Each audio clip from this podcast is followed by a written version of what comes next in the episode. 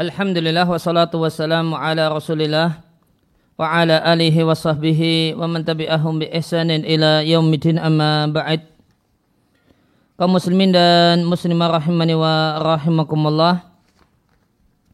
Kembali kita lanjutkan sifat az-zawjah as-salihah. Sifat istri salihah dan hal-hal yang semestinya berupa, uh, diupayakan oleh seorang wanita yang salihah agar ada pada dirinya. Maka uh, sifat selanjutnya adalah as-sabirah al-mu'minah bersabar dan beriman. Thumma min sifatiha aidan kemudian di antara sifat wanita salihah yang wajib diupayakan oleh seorang wanita salihah dan semestinya ada pada seorang wanita salihah adalah sabar menghadapi al-bala, menghadapi bencana. Ya, disebabkan penyakit yang menimpa suami atau kefakiran yang terjadi pada suaminya au yaridu alaihi ya, atau kefakiran yang ya, menimpa suaminya. Au naqsun fil walad atau berkurangnya anak karena meninggalnya anak. Demikian juga contoh yang lainnya adalah ketika wanita tersebut mendapatkan cobaan bil akmi dengan mandul pada dirinya atau yang mandul suaminya atau telat hamilnya dan semacam itu berupa berbagai macam musibah wal balaya dan musibah. Dan musibah adalah kuluma yusi'ul muslima. Segala sesuatu yang menyusahkan seorang muslim. Maka di antara ya, musibah yang menimpa seorang istri adalah ternyata dia ketahui, baru kemudian dia ketahui suaminya poligami atau nikah lagi ya, maka ini maka hendaknya seorang wanita yang beriman, seorang wanita yang salihah menyikapi hal ini dengan sabar. Sebagaimana firman Allah Ta'ala, Allah menyebutkan sifat ya, sifat-sifat yang mulia. Sesungguhnya muslim laki-laki dan perempuan mukmin laki-laki dan perempuan. Wal qanitina wal qanitat. Dan wanita-wanita yang demikian taat baik laki-laki ataupun perempuan. Kita baca melalui al-mukhtasar fi tafsir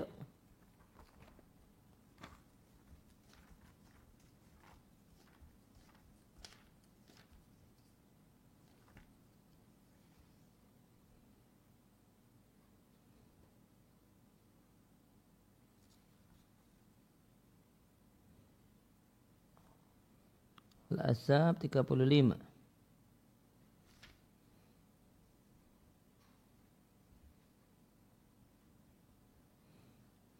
Ya al-qanitina wal qanitat maknanya eh, laki-laki dan perempuan yang taat kepada Allah. Wasadiqina wasadiqat dan wanita wanita dan laki-laki yang jujur dalam keimanannya dan jujur dalam ucapannya. Yang jadi mahalu syahid yang jadi yang berkaitan dengan judul yang kita bahas adalah potongan ayat selanjutnya wasabirina wasabirat dan laki-laki dan perempuan yang bersabar ya, yaitu bersabar ala taat untuk melakukan ketaatan bersabar untuk menjauhi maksiat wa alal bala dan bersabar menghadapi musibah. Dan laki-laki dan perempuan yang bersedekah dengan hartanya fil fardi wan nafli baik sedekah wajib ataupun sedekah yang sunnah. Wasaimina wasaimat dan laki-laki dan perempuan yang berpuasa karena Allah baik puasa yang fardu ataupun yang sunnah wal hafidina furujahum wal hafidat dan laki-laki dan perempuan yang menjaga kemaluannya ya, ya, menjaga dalam artian menutupinya sehingga tidak terbuka di hadapan orang yang tidak halal melihatnya. Dan yang kedua menjaga kemaluan dengan ya, menjaga diri dari perbuatan keji, zina dan muqaddimah sarana-sarana yang mengantarkan kepada zina Kemudian wadzakirin Allah kathira wadzakirat dan laki-laki yang banyak mengingat laki-laki dan perempuan yang banyak mengingat Allah yaitu mengingat Allah bi kulubihim wa alsinatihim dengan hati dengan dengan lisan. Ya, mereka mengingat Allah kathiran banyak siran wa alaniyatan baik ketika sendiri atau ketika bersama banyak orang. Maka untuk mereka-mereka yang seperti yang Allah siapkan bagi mereka ampunan untuk dosa-dosa mereka dan Allah siapkan bagi mereka pahala yang besar pada hari kiamat. Dan yang dimaksud dengan ajaran azimah adalah wawal jannatu adalah surga.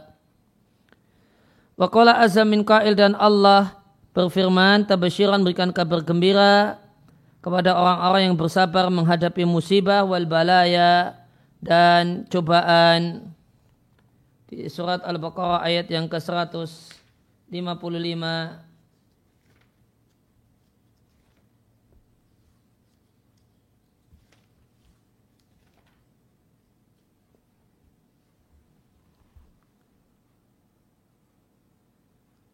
Di Al-Mukhtasar fi Tafsir disampaikan makna dan tafsir singkatnya.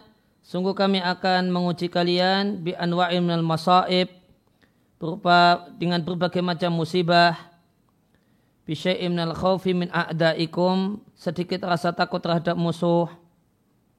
Wal dan ya, ujian berupa lapar likilati to'am karena sedikitnya bahan makanan. Wa naqsim minal amwal binaqsin fil amwali lidhahabiha dengan berkurangnya harta karena hilangnya harta atau kesulitan mendapatkan harta wal anfus dan berkurangnya nyawa. Bisa babil afat dikarenakan berbagai macam penyakit. Ya, mungkin bisa kita katakan termasuk di antaranya corona.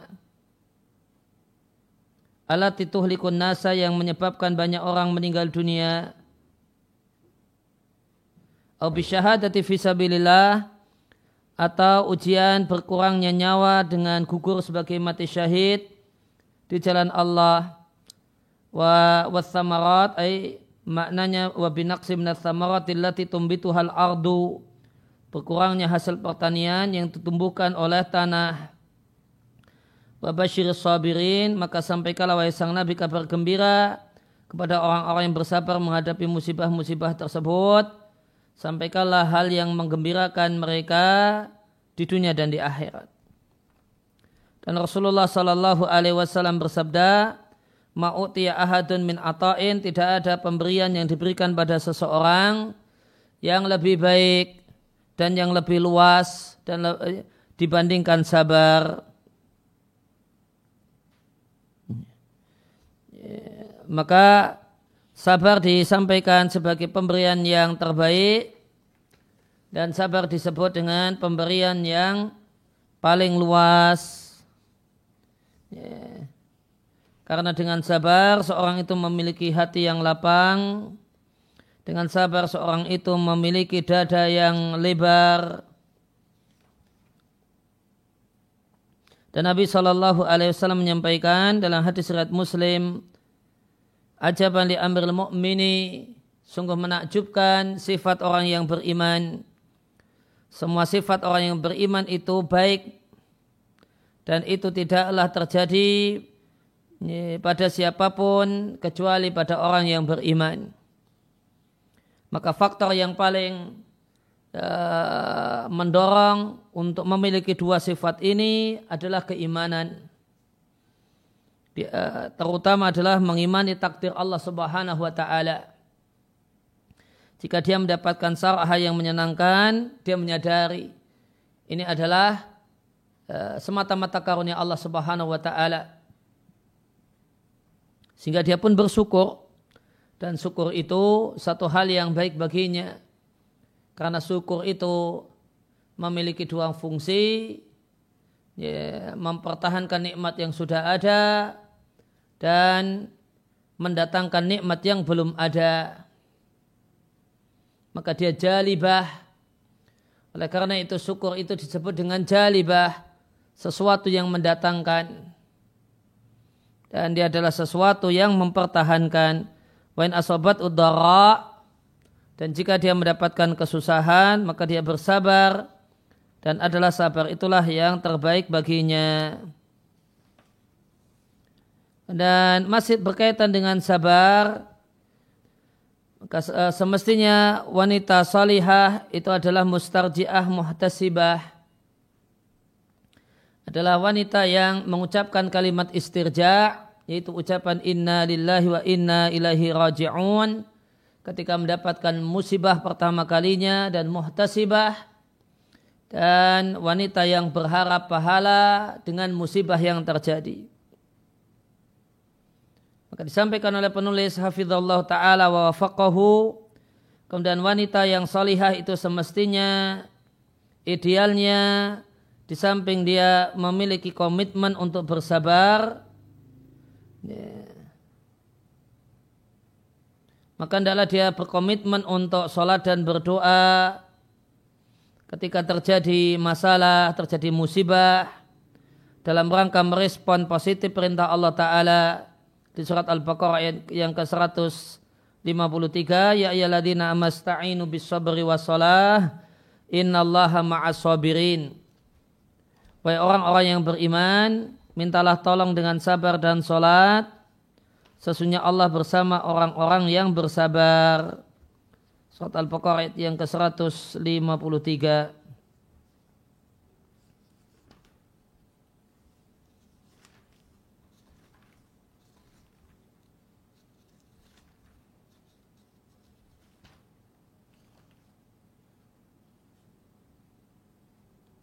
Maknanya di Al-Mukhtasar fit Tafsir Wahai orang-orang yang beriman Mintalah tolong dengan sabar dan sholat.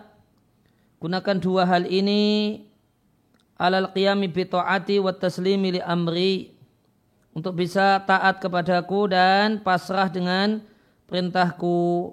Allah Allah itu bersama orang yang bersabar memberikan taufik dan membantu mereka Oleh karena itu, idama nazalat biha, jika terjadi pada seorang wanita yang salihah musibah, maka dia akan mengatakan kalimat yang dituntunkan. Yang pertama adalah kalimat istirja. Inna lillahi wa inna ilaihi raji'un.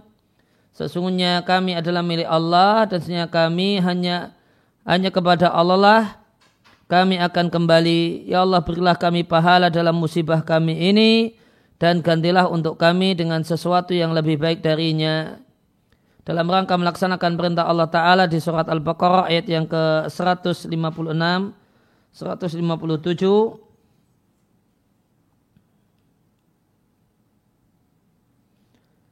Ya, di maknanya di Al-Mukhtasar fi Tafsir 156 dan 57 ya, orang-orang yang jika tertimpa musibah ya, karena uh, dengan dengan sejumlah musibah yang disebutkan di ayat sebelumnya itu ayat 155 mereka mengatakan dengan penuh keridhaan dan kepasrahan kami adalah milik Allah. Sehingga Allah melakukan tindakan pada kami dengan tindakan yang Allah kehendaki. Dan kami adalah orang-orang yang akan kembali hanya kembali kepada Allah pada kiamat nanti maka dia Allah zat yang menciptakan kami dan memberikan karunia dan anugerah kepada kami dengan berbagai macam nikmat dan hanya kepada Allah tempat kembali kami dan akhir dari keadaan kami. Ulaika al-muttasifuna bihadis sifati maka mereka yang bersifat dengan sifat ini baginya sanjungan dari Allah untuk mereka di hadapan para malaikat dan rahmat pun turun pada mereka dan mereka itulah orang-orang yang mendapatkan hidayah menuju jalan kebenaran. Maka orang yang mendapatkan bersabar mendapatkan musibah itu mendapatkan tiga keutamaan. Yang pertama, alim salawat rabbihim, mendapatkan salawat dari Allah, yaitu sanjungan Allah di hadapan para malaikat. Kemudian yang kedua, mendapatkan limpahan rahmat Allah subhanahu wa ta'ala, kasih sayang Allah subhanahu wa ta'ala, menjadi seorang yang disayang dan dikasihi oleh Allah subhanahu wa ta'ala. Yang ketiga adalah mendapatkan hidayah.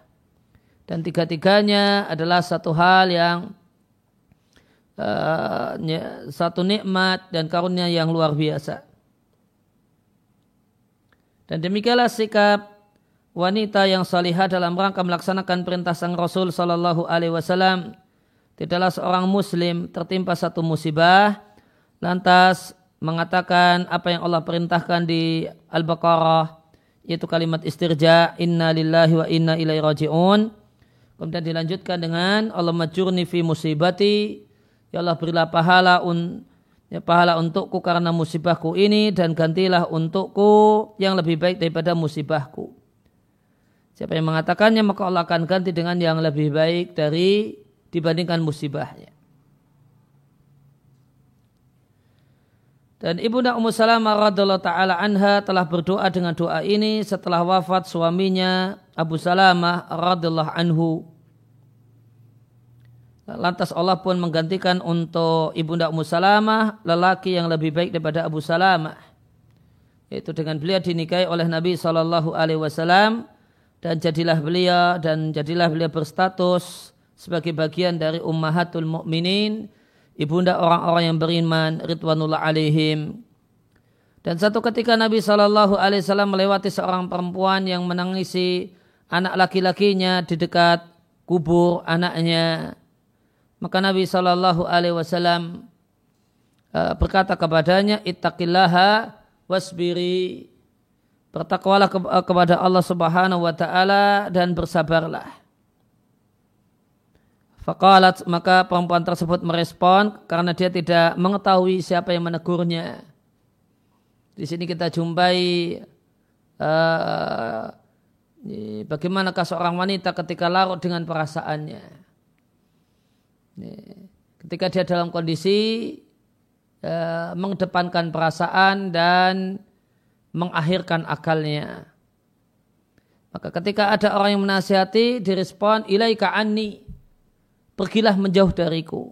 Ya. Dia usir orang yang ngasih nasihat. Ya. Tanpa lihat-lihat siapa yang ngasih nasihat. Kemudian, fa'inna kalam tusib bimusibati karena engkau bisa mengatakan demikian sabar-sabar karena engkau tidak merasakan musibah sebagaimana yang menimpa diriku.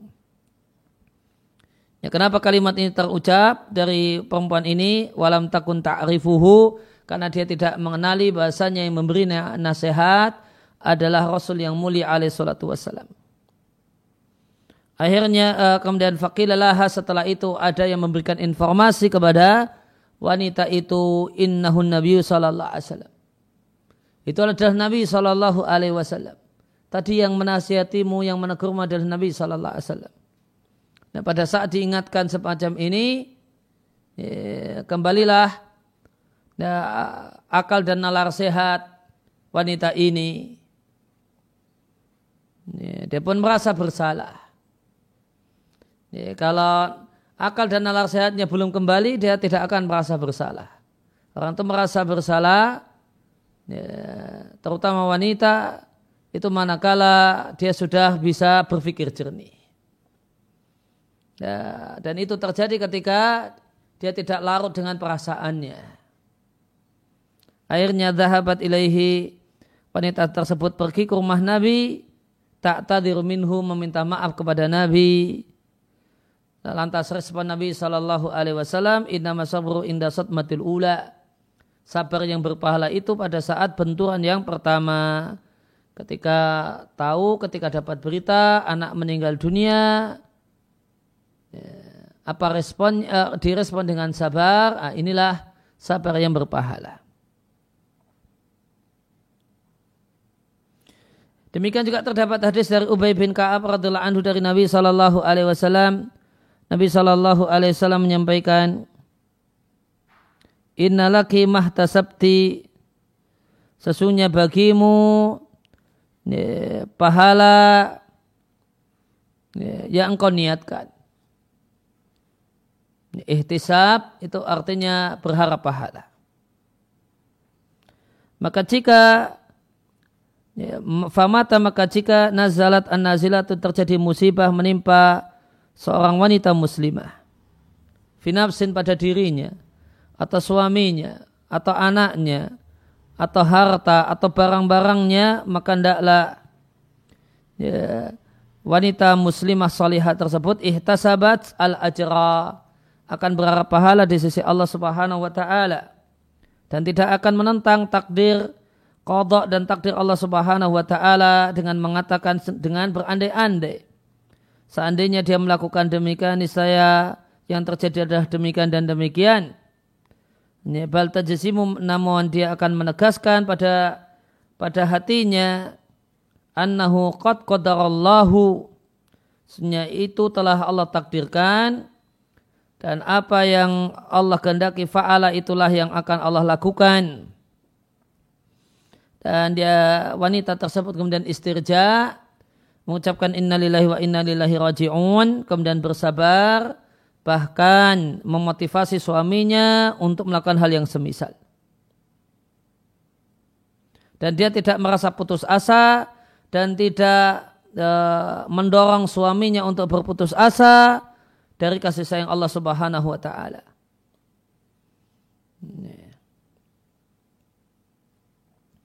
Maka di sini disampaikan bahwasanya orang itu ya, seorang itu baik laki-laki ataupun perempuan dia akan bisa bersabar menghadapi musibah manakala dia menerima takdir Allah Subhanahu wa taala. Manakala dia ya, manakala ya, orang tersebut berdalil dengan takdir Allah Subhanahu wa taala.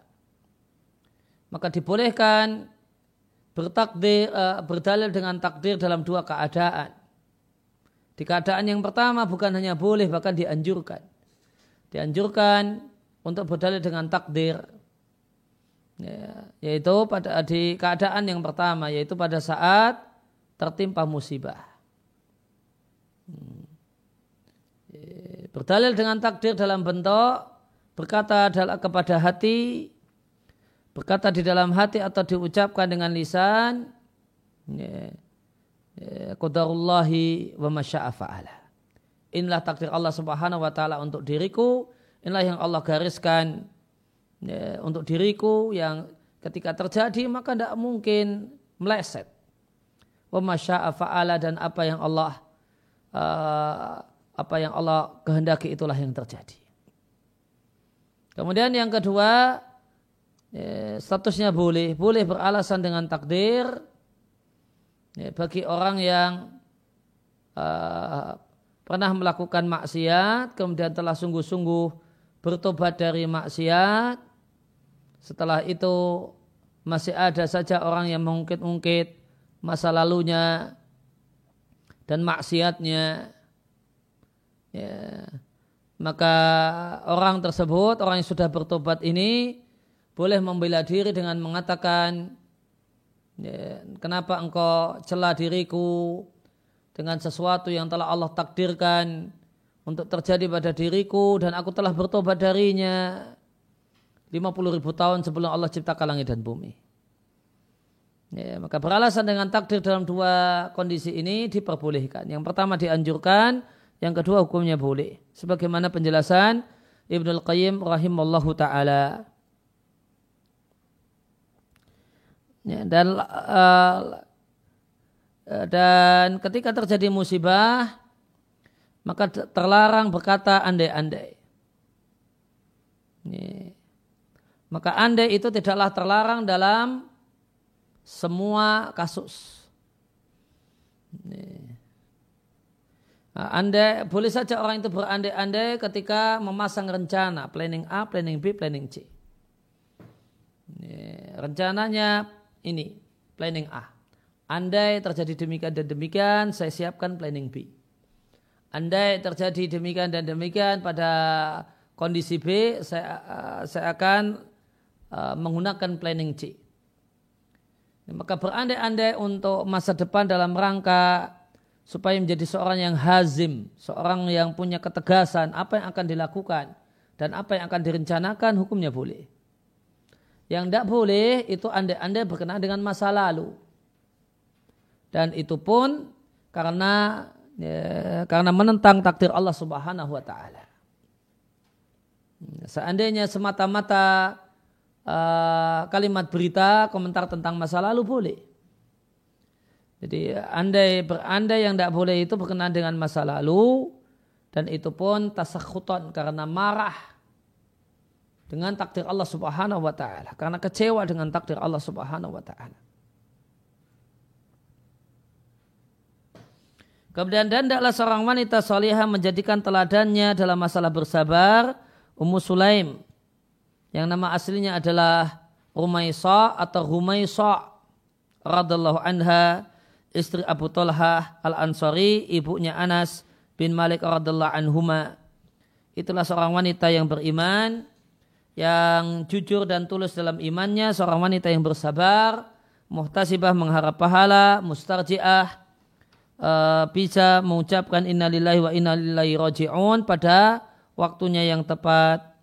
Itulah seorang wanita yang talakot merespon musibah mauti sobiyiha musibah mati e, anak laki-lakinya dengan hati yang bersabar, dengan jiwa yang ridha, wah tasabathu dan dia berharap pahala dengan musibah meninggalnya anaknya. Wa a'lamat bahkan dia mengkabarkan dan memberikan informasi kepada suaminya Abu Talhah kematian anak laki-lakinya bi ahsani tariqatin dengan cara yang terindah sehingga Allah berikan kepada uh, Abu Talha minha dari Ummu Sulaim khairan anak yang lebih baik minhu dari dibandingkan yang telah meninggal dunia.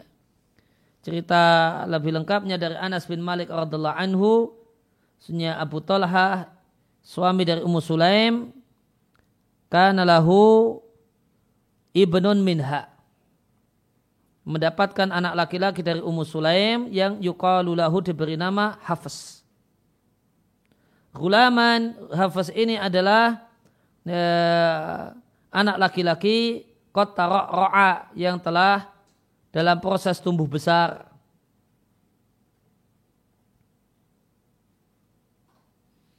Fa'asba Abu Talha maka jadilah Abu Talha ya, pada satu hari, satu pagi Abu Talha dalam keadaan berpuasa dan fi ba'di sughlihi dan dia melakukan salah satu kesibukannya.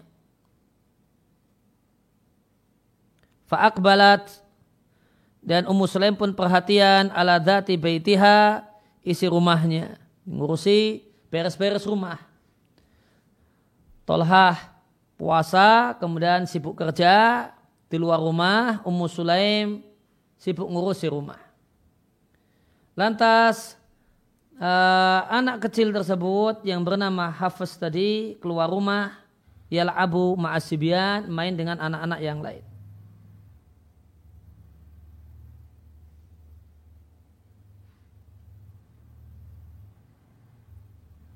Falamma ja'a al-ghulamu al-ghadata maka tatkala uh, si anak kecil ini datang al-ghadata pada waktu siang Ya, anak kecil ini berbaring ala firashin di atas tempat tidur muzamilin muzamili qatifin lahum ya, dengan muzamil menyelimuti diri dengan menggunakan qatif.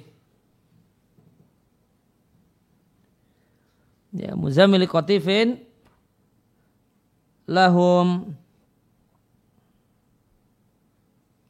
menyelimuti diri dengan qatif milik miliknya atau milik keluarganya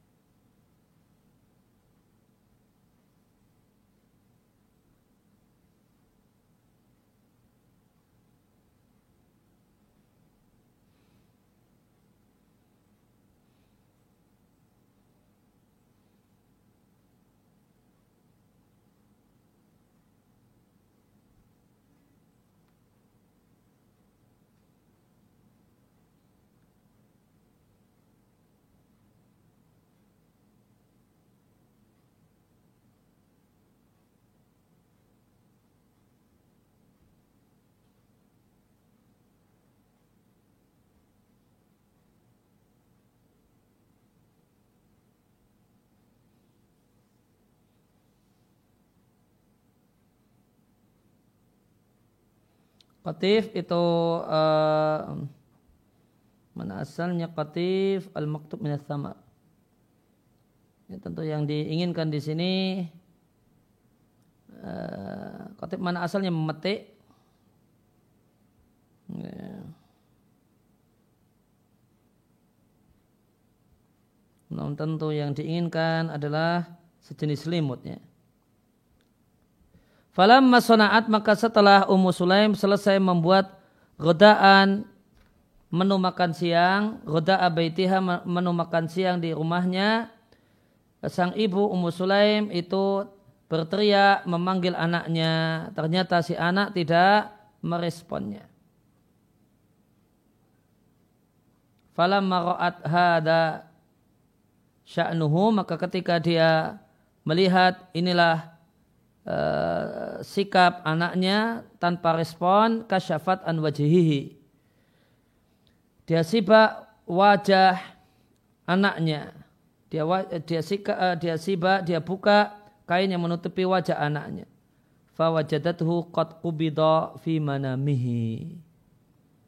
Ternyata dia jumpai anaknya ini kubida telah wafat fi manamihi ketika tidur. Dia meninggal dunia tanpa sebab tidur, habis pulang main, capek, berselimut, tidur dan meninggal dunia saat tidur. Akhirnya uh, Ummu Sulaim kemudian menyelimuti Hafiz seperti keadaannya semula. Kemudian luar biasa akbalat dia kembali konsentrasi ala dzati baitiha. Isi rumahnya. Kembali lanjutkan beres-beres rumah. Ini luar biasa. Ada seorang ibu ditinggal mati anaknya masih kecil. Bayangkan mungkin anak usia TK atau semacam itu. Setelah meninggal dunia, dia eh, pastikan anaknya meninggal dunia. Ya, kemudian dia bisa lanjut berkegiatan masak dan ya, tadi masaknya sudah selesai ya. Beres-beres rumah. Ketika sore tiba datanglah suaminya Abu Talha. Nah tadi Abu Talha puasa. Fakorabat lahu fitrahu. Maka Ummu Sulaim kemudian mendekatkan untuknya menu buka puasa suaminya. Uh, fakal uh, uh, fakal kemudian Abu Talha mengatakan panggillah untukku anak laki-lakiku hafaz supaya nemani makan bersamaku. Kalau Ummu Sulaim mengatakan innahu qad dia telah selesai makan. Falamma farahu asyikhu min fitrihi maka setelah Abu Talha itu selesai dari menu buka puasa danat minhu. Setelah selesai makan, Ummu Sulaim ini dekat-dekat dengan suaminya. Mepet-mepet suaminya. Sehingga menyebabkan suari, suaminya birahi dan bersyahwat. Hatta idha asoba ma yusibu rajulu min ahlihi Ya, sehingga sehingga ketika ya, Abu Talha itu ya, mengumpuli Ummu Sulaim sebagaimana layaknya seorang suami mengumpuli istrinya. Wa selesai dari hubungan biologis. Barulah ya, barulah Ummu Sulaim mengajak dialog. Wahai Abu Talha, apa pendapatmu seandainya ada seorang yang meminjamkan padamu satu barang pinjaman Lantas engkau menikmati barang pinjaman tersebut zamanan selama beberapa waktu lamanya. Wakarat bi'ainuha dan engkau merasa senang dengan barang pinjaman itu. Suma badalahu kemudian orang yang memberi barang pinjaman itu punya pikiran untuk mencabut dan mengambil barang pinjaman tadi darimu. Akun tawajidan alaihi. Apakah engkau marah kepada orang yang memberikan pinjaman itu finapsika dalam hatimu? Bolehkah marah ketika yang memberi barang pinjaman mengambil barang pinjaman? Marah di batin boleh enggak? Apalagi sampai diucapkan. Wajidan alaihi marah kepada yang memberikan pinjaman, finapsika di hatimu, di batinmu. Marah di hati boleh apa enggak? Maka Abu Talha mengatakan, lawa abika, enggak boleh demi ayahmu. Uh, mungkin ini sebelum dilarangnya uh, sumpah dengan selain Allah atau karena udur yang lain. Idan laqad tu. jika aku marah di dalam hati kepada orang yang uh, pemilik barang yang ngasih pinjaman dan menarik pinjamannya, sungguh aku zalim. Qalat ya, kemudian Ummu Sulaim mengatakan fa inna benaka hafs a'arakallahu azza wa jalla sungguh anak laki-lakimu yang bernama Hafs adalah pinjaman yang Allah berikan kepadamu. Masya Allah, Allah pinjamkan selama beberapa waktu lamanya. Thumma qad badalahu ayan tazi'ahu. Kemudian Allah subhanahu wa ta'ala berkeinginan untuk ya, menariknya. Wa wa bihi. Dan dialah yang lebih, lebih berhak ya, dengan anakmu. Ya. Ini tentu bahasa tidak vulgar ya. Meninggal dunia gitu kan enggak. Ya. Namun Abu Talha bisa menangkap maksud dan pesannya. Kal maka Abu Talha kemudian langsung merespon inna lillahi wa inna ilaihi raji'un. Summa koma kemudian keduanya berdiri dari tempat tidur tentunya. Ini habis kumpul. Fajahazahu kemudian keduanya uh, me, uh, merawat jenazah Hafiz hatta minhu sampai dimakamkan sampai keduanya selesai memakamkannya. Falamma asbaha. Ya, maka di sini kita jumpai koma keduanya. Jahaza dan merawat uh, jenazah Hafiz. Ya, di sini kita jumpai ya, ya, Ummu Sulaim betul-betul luar biasa sabarnya. Ya, dia tidak hanya apa kemudian memandangi anaknya sambil nangis, kemudian suaminya yang sibuk memandikan, mengkafani. Namun Ummu Sulaim bisa ikut memandikan, ikut mengkafani. Maka ini luar biasa, sabar yang luar biasa. Seakan-akan tidak ada masalah, padahal tentu sedih. Karena ini sedang lucu-lucunya, anak ya, anak sedang kemudian orang ya, sedang manis-manisnya jika ketawa, jika lari-lari. Falamma asbaha ketika keduanya telah menjumpai waktu pagi, maka Abu Talha menyampaikan cerita uh, hari itu kepada Rasulullah Sallallahu Alaihi Wasallam dan respon Rasulullah Sallallahu Alaihi Wasallam Allah barik lahuma fi lailatihima. Ya Allah berkailah untuk keduanya Ummu Sulaim dan Abu Talha ya, malam keduanya dan betul dari hubungan biologi semalam itu Ummu Sulaim hamil. Fajaat birulamin dan lahirlah seorang anak laki-laki.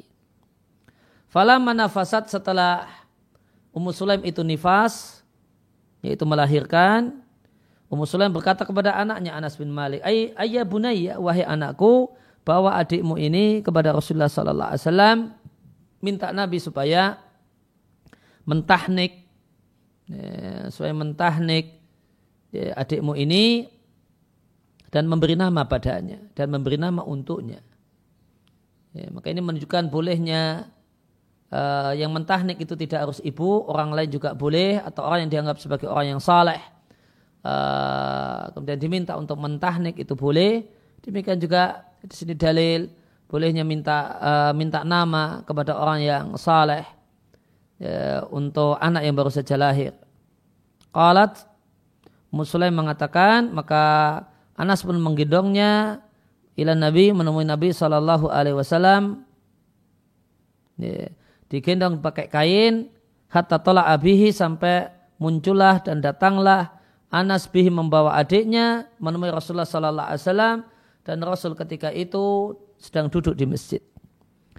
Maka melihat Anas membawa Anas pembantu Nabi Sallallahu Alaihi Wasallam membawa dan menggendong bayi, maka Nabi segera mengatakan, apakah Ummu Sulaim sudah nifas, itu sudah melahirkan? Maka Anas mengatakan, naam iya waqad arsalat bihi ilaika uh, Ummu Sulaim uh, mengutusku bihi membawa bayi ini ilaika untuk menemui wahai Nabi supaya engkau mentahniknya dan memberi nama untuknya. Lantas Nabi pun memberi nama adiknya Anas, adik seibunya Anas ini dengan nama Abdullah. Dan Nabi mengambil satu butir korma, kemudian Nabi mengunyahnya. Kemudian laka, yes.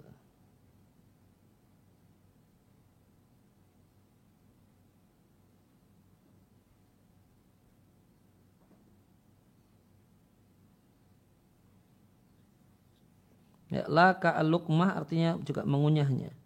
Eh, atau ada roha dakhila sidqaihi. Eh, memutarnya. Itu yang lebih cocok. Falakaha maka uh, ya, kurma yang sudah dikunyah, uh, dikunyah oleh Nabi tadi, Nabi putarkan fifihi pada mulut bayi tadi, fahannaka hukum dan Nabi gosok-gosok dengan lembut, hu mulut si bayi yaitu apa langit-langit mulutnya biha dengan kurma yang sudah dilembutkan. Fa faja'ala asabiyu jadilah anak tersebut ya telah madu hina wajata halawat tamri.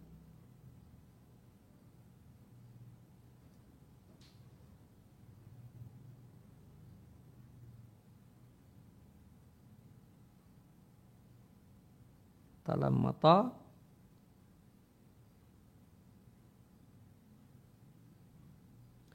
uh, menjulurkan menjulurkan. Di sini tentu menjulurkan lidah.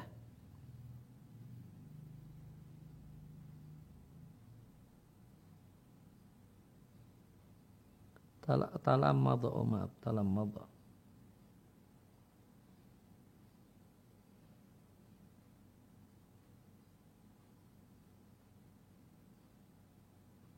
ya akhojat lisanaha. Uh, menjulurkan lidah. Hina wajada ketika dia merasakan manisnya korma maka Rasulullah Shallallahu Alaihi Wasallam tantas berkomentar hubul ansor at-tamra. Inilah cintanya orang ansor dengan korma dan penduduk ansor adalah para petani korma. Dan kota Madinah adalah uh, isi kota Madinah adalah kebun-kebun kurma. Ya, demikian dalam sebuah hadis yang panjang tentang kesabaran Ummu Sulaim yang luar biasa dalam tidak histeris ketika anaknya tahu anaknya meninggal dunia, bisa tetap beraktivitas, bisa tetap menyiapkan menu buka puasa untuk suaminya, bisa kemudian berdandan untuk suaminya, setelah selesai makan bisa menggoda suaminya, ya, deket-deket, mepet-mepet, jawil-jawil suaminya, akhirnya suaminya berhasrat untuk melakukan hubungan biologis dan bisa melayani hubungan biologis bersama suaminya seakan-akan nggak terjadi apa-apa. Setelah itu baru mengkabarkannya, mengabarkan kematian anaknya dengan cara yang sangat bagus. Setelah itu bisa uh, bekerja sama dengan suaminya untuk merawat jenazah anaknya. Ya, tidak hanya nonton sambil berderai air mata Anda. Ini satu kesabaran, satu uh, satu jenis kesabaran yang luar biasa pada wanita ini. Dan ini menunjukkan kalau dia adalah wanita yang betul-betul akilah, akilah, akilah. Sangat-sangat berakal mengedepankan nalar sehat dan akal pikirannya dibandingkan perasaannya dan emosinya. Demikian yang kita baca kesempatan siang hari ini. Wassalamualaikum warahmatullahi wabarakatuh. Wa da'wana alhamdulillahi rabbil alamin. Baik Ustaz, uh, sudah ada beberapa pertanyaan yang sudah masuk melalui akun dan insya Allah akan kami bacakan. Yang pertama Ustaz, Assalamualaikum warahmatullahi wabarakatuh. Waalaikumsalam warahmatullahi wabarakatuh. Bagaimana menyikapi istri yang pemarah? Ya. Uh, istri yang pemarah tentu uh, wajib disikapi oleh seorang suami dengan akal sehatnya. Ya, suami yang mengedepankan akal sehat, ya, yang pertama tentu dia marah, tidak mungkin marah tanpa sebab. Maka suami yang akil akan berupaya untuk uh, bisa uh, membaca dan mengetahui hal-hal apa saja yang bikin istrinya marah. Ya, tentu dia bisa baca pola istrinya. Itulah suami yang baik. Dia tahu pola istrinya. Oh, yang bikin uh, yang seperti ini bikin marah, bikin jengkel, bikin teriak-teriak, oh bikin uh, ini. Kemudian uh, didata, diinventarisir apa yang hal-hal uh, yang bikin istri marah, kemudian berupaya untuk menghindarinya. Kemudian yang kedua itu antisipasi. Seandainya uh, satu dan lain hari kemudian meleset, ya, ternyata hal yang bikin marah itu malah dilakukan oleh si suami, ya, maka sikapilah marahnya uh, marah istri dengan sikap ya, lelaki yang berakal, ya, yaitu ya, ya, yang namanya ketika dia marah dia jadi api maka api itu jangan direspon dengan bensin ya. ya dengan premium. Kalau direspon suami itu jadi premium wah ya maka akan terjadi api yang berkobar-kobar dan menghanguskan rumah itu sehabis-habisnya. Ya dan di antara eh, respon yang tepat dalam hal ini tidak suami diam saja. Ya, dengarkan uh, apa apa yang di uh, dikatakan oleh istri. Ini, simpan HP, masukkan ke tas, dengarkan ya, dia ngomong apa, cerewet seperti apa, dinikmati. Ya, seandainya respon, tolong direspon. Ya, maka jawab saja saya respon dengan saya simak baik-baik apa yang kau sampaikan. Ya, wahai cintaku, wahai sayangku. Nah, Ya, maka dengarkan baik-baik. Hmm, sampai dia puas ngomong. Ya. Ya. Dan setelah dia puas ngomong, uh, dan jika kemudian dia nyalah-nyalahkan uh, suami, maka katakan, maka respon berikan respon akhir, kasih kata penutup, ya, ya, ya dengan mengatakan semoga Allah Subhanahu Wa Taala memberikan kekuatan dan kemudahan pada diriku untuk bisa lebih baik di kemudian hari. Nah, gitu. Itu uh, ya, responnya. Atau boleh juga ya mirip, uh, boleh juga merespon uh, uh, ya, ya, atau direspon ketika dinilai begitu kalau didengerin terus bikin jengkel sekali akhirnya tidak kuasa untuk mengendalikan lisan maka sarankan suami untuk pergi keluar rumah sementara waktu. Namun e, jangan jangan sembarangan mencari tempat e, menenangkan diri. Gitu ya.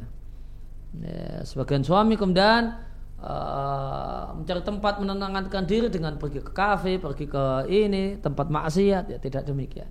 Namun pergilah ke masjid. Ya, tenangkan diri di masjid. Ya, contoh Ali bin Abi Thalib yang jengkel dengan Fatimah kemudian tidur siang di masjid. Nah, itu di antara yang uh, saran yang bisa saya sampaikan. Nah. Baik Ustaz, uh, pertanyaan berikutnya Ustaz, bismillah, semoga Allah Subhanahu wa taala memberi memberkahi semua ilmu yang Ustaz ajarkan. Amin. Mohon penjelasan tentang takdir sebelum terjadi sebuah pilihan. Kemudian dia memilih berbuat maksiat apa bisa berdalil dengan takdir? Seorang tidak bisa berdalil dengan takdir karena dia tidak tahu apa yang Allah takdirkan untuk dirinya. Bagaimanakah seorang itu mau berdalil dengan sesuatu yang dia tidak tahu? Apa yang Allah takdirkan untuknya? Ya, orang tersebut boleh berdalil dengan takdir kalau dia tahu sebelum terjadi. Bahasanya di lauhil mahfud Allah takdirkan saya begini dan begini. Ya, ketika dia tidak tahu, maka tidak bisa jadi alasan untuk berdalil. Nah, Baik Ustaz, uh, pertanyaan berikutnya Ustaz, Bismillah Ustaz, apa perbedaan orang yang bersabar dan orang yang tidak bersedih? Misal ketika keluarga meninggal tidak merasa sedih dan merasa biasa saja, apakah ini bisa disebut sabar? Maka uh, ada di uh, di terminologi di istilah di agama kita ada namanya sabar, ya, dan sabar itu temannya ada tiga. Ada ada ada dua. Sabar itu bergandeng dengan ihtisab berharap pahala ini, dengan musibah yang terjadi. Ini. kemudian yang ketiga adalah Uh, jika musibah ini dalam bentuk problem dan masalah ya, yang berlarut maka temannya adalah intidarul faraj ya, menunggu setia menunggu datangnya kabar gembira. Ya, karena sebagaimana pepatah Arab yang mengatakan dawamul hal minal muhal. Terus menerus dalam keadaan yang sama itu mustahil di dunia ini. Tidak ada senang terus. Dan demikian juga tidak ada sedih terus. Sedih itu punya titik akhir. Dan di titik akhir tersebut uh, datanglah gembira. Nah, tunggu datangnya ya, hal ini. Nah ini pasangan, ini temannya. Uh, semuanya adalah bagian dari sabar. Kemudian ada level yang lebih uh, level yang lebih tinggi atau sebelumnya sabar itu hukumnya wajib. Ada level yang lebih tinggi dan yaitu ridho. Ya, yang dalam bahasa Indonesia atau dalam bahasa Jawa sering disebut dengan ikhlas.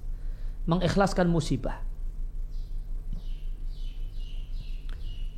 Dan ulama berselisih pendapat apakah ridha itu wajib ataukah mustahab.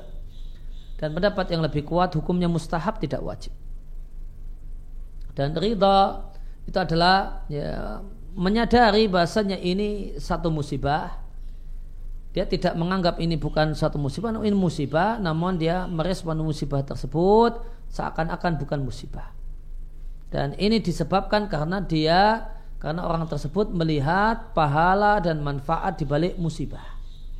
Nah, itu yang ditaruh di depan matanya sehingga musibah itu bisa eh, posisinya minggir gitu. Ya, karena melihat manfaat pahala ya, dari terjadinya musibah, akhirnya dia bisa ikhlas dalam bahasa Indonesia atau ridho dalam istilah agamanya. Ya, maka orang yang mencapai level ridho dia mencapai satu level yang lebih mulia daripada sabar. Nah.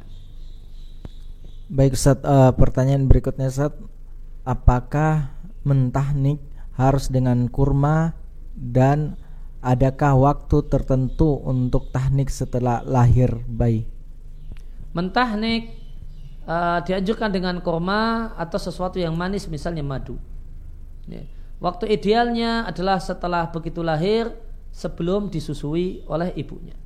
Namun seandainya sudah terlanjur disusui maka uh, setelah disusui pertama kali kemudian baru ditahnik insya Allah juga tidak mengapa.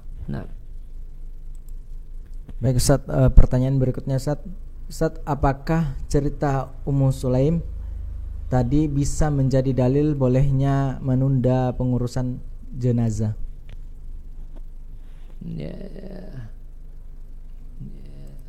ya, bisa kita katakan boleh, ya bisa ya, bisa jadikan alasan ya ditunda seperlunya secukupnya. Dalam hal ini menunggu uh, lelaki yang bisa menggali untuk uh, ya, dan tindakan muslim beralasan menunggu laki-laki. Dalam hal ini suaminya yang nanti perlu uh, yang punya kemampuan untuk gali membuat galian. Ya, karena ini cuma diurusi berdua. Jadi tidak melibatkan tetangga kiri dan kanan sebagaimana kalau uh, musibah meninggalnya anak yang biasa terjadi di tempat kita. Ini cuma diurusi berdua saja seorang perempuan tentu tidak mampu untuk uh, menuntaskan masalah ini maka dia tunggu suaminya datang nanti suaminya yang dia akan bantu-bantu untuk memandikan, mengkafani, nanti suaminya yang bikin galian. Kemudian mungkin Ummu Sulaim nanti bantu untuk membawa ke tempat galian dan memakamkannya. Dan nanti suaminya yang memakamkannya atau suaminya yang nanti bawa anak tersebut yang telah telah meninggal dunia dan memakamkannya. Nah, baik uh, pertanyaan berikutnya saat saat saya pernah berbuat salah kepada saudara sesama muslim sehingga menyakiti hatinya. Saya sudah meminta maaf namun di dalam hati masih belum lega. Apa yang sebaiknya saya lakukan Ustaz? Uh, se uh, setelah meminta maaf masih kemudian masih ada yang mengganjal maka berbuat baik kepada orang yang didolimi tersebut. Nah, baik. Uh, pertanyaan yang terakhir Ustaz apakah boleh saat walimah kita menyetel nasid orang dewasa dan lagu yang tidak ada musiknya karena belum bisa memberi pengertian kepada orang tua misalnya. Jazakumullah khairan. Jawaban singkatnya boleh. Nah, demikian. Wassallallahu ala nabiyina Muhammadin wa ala alihi wasallam.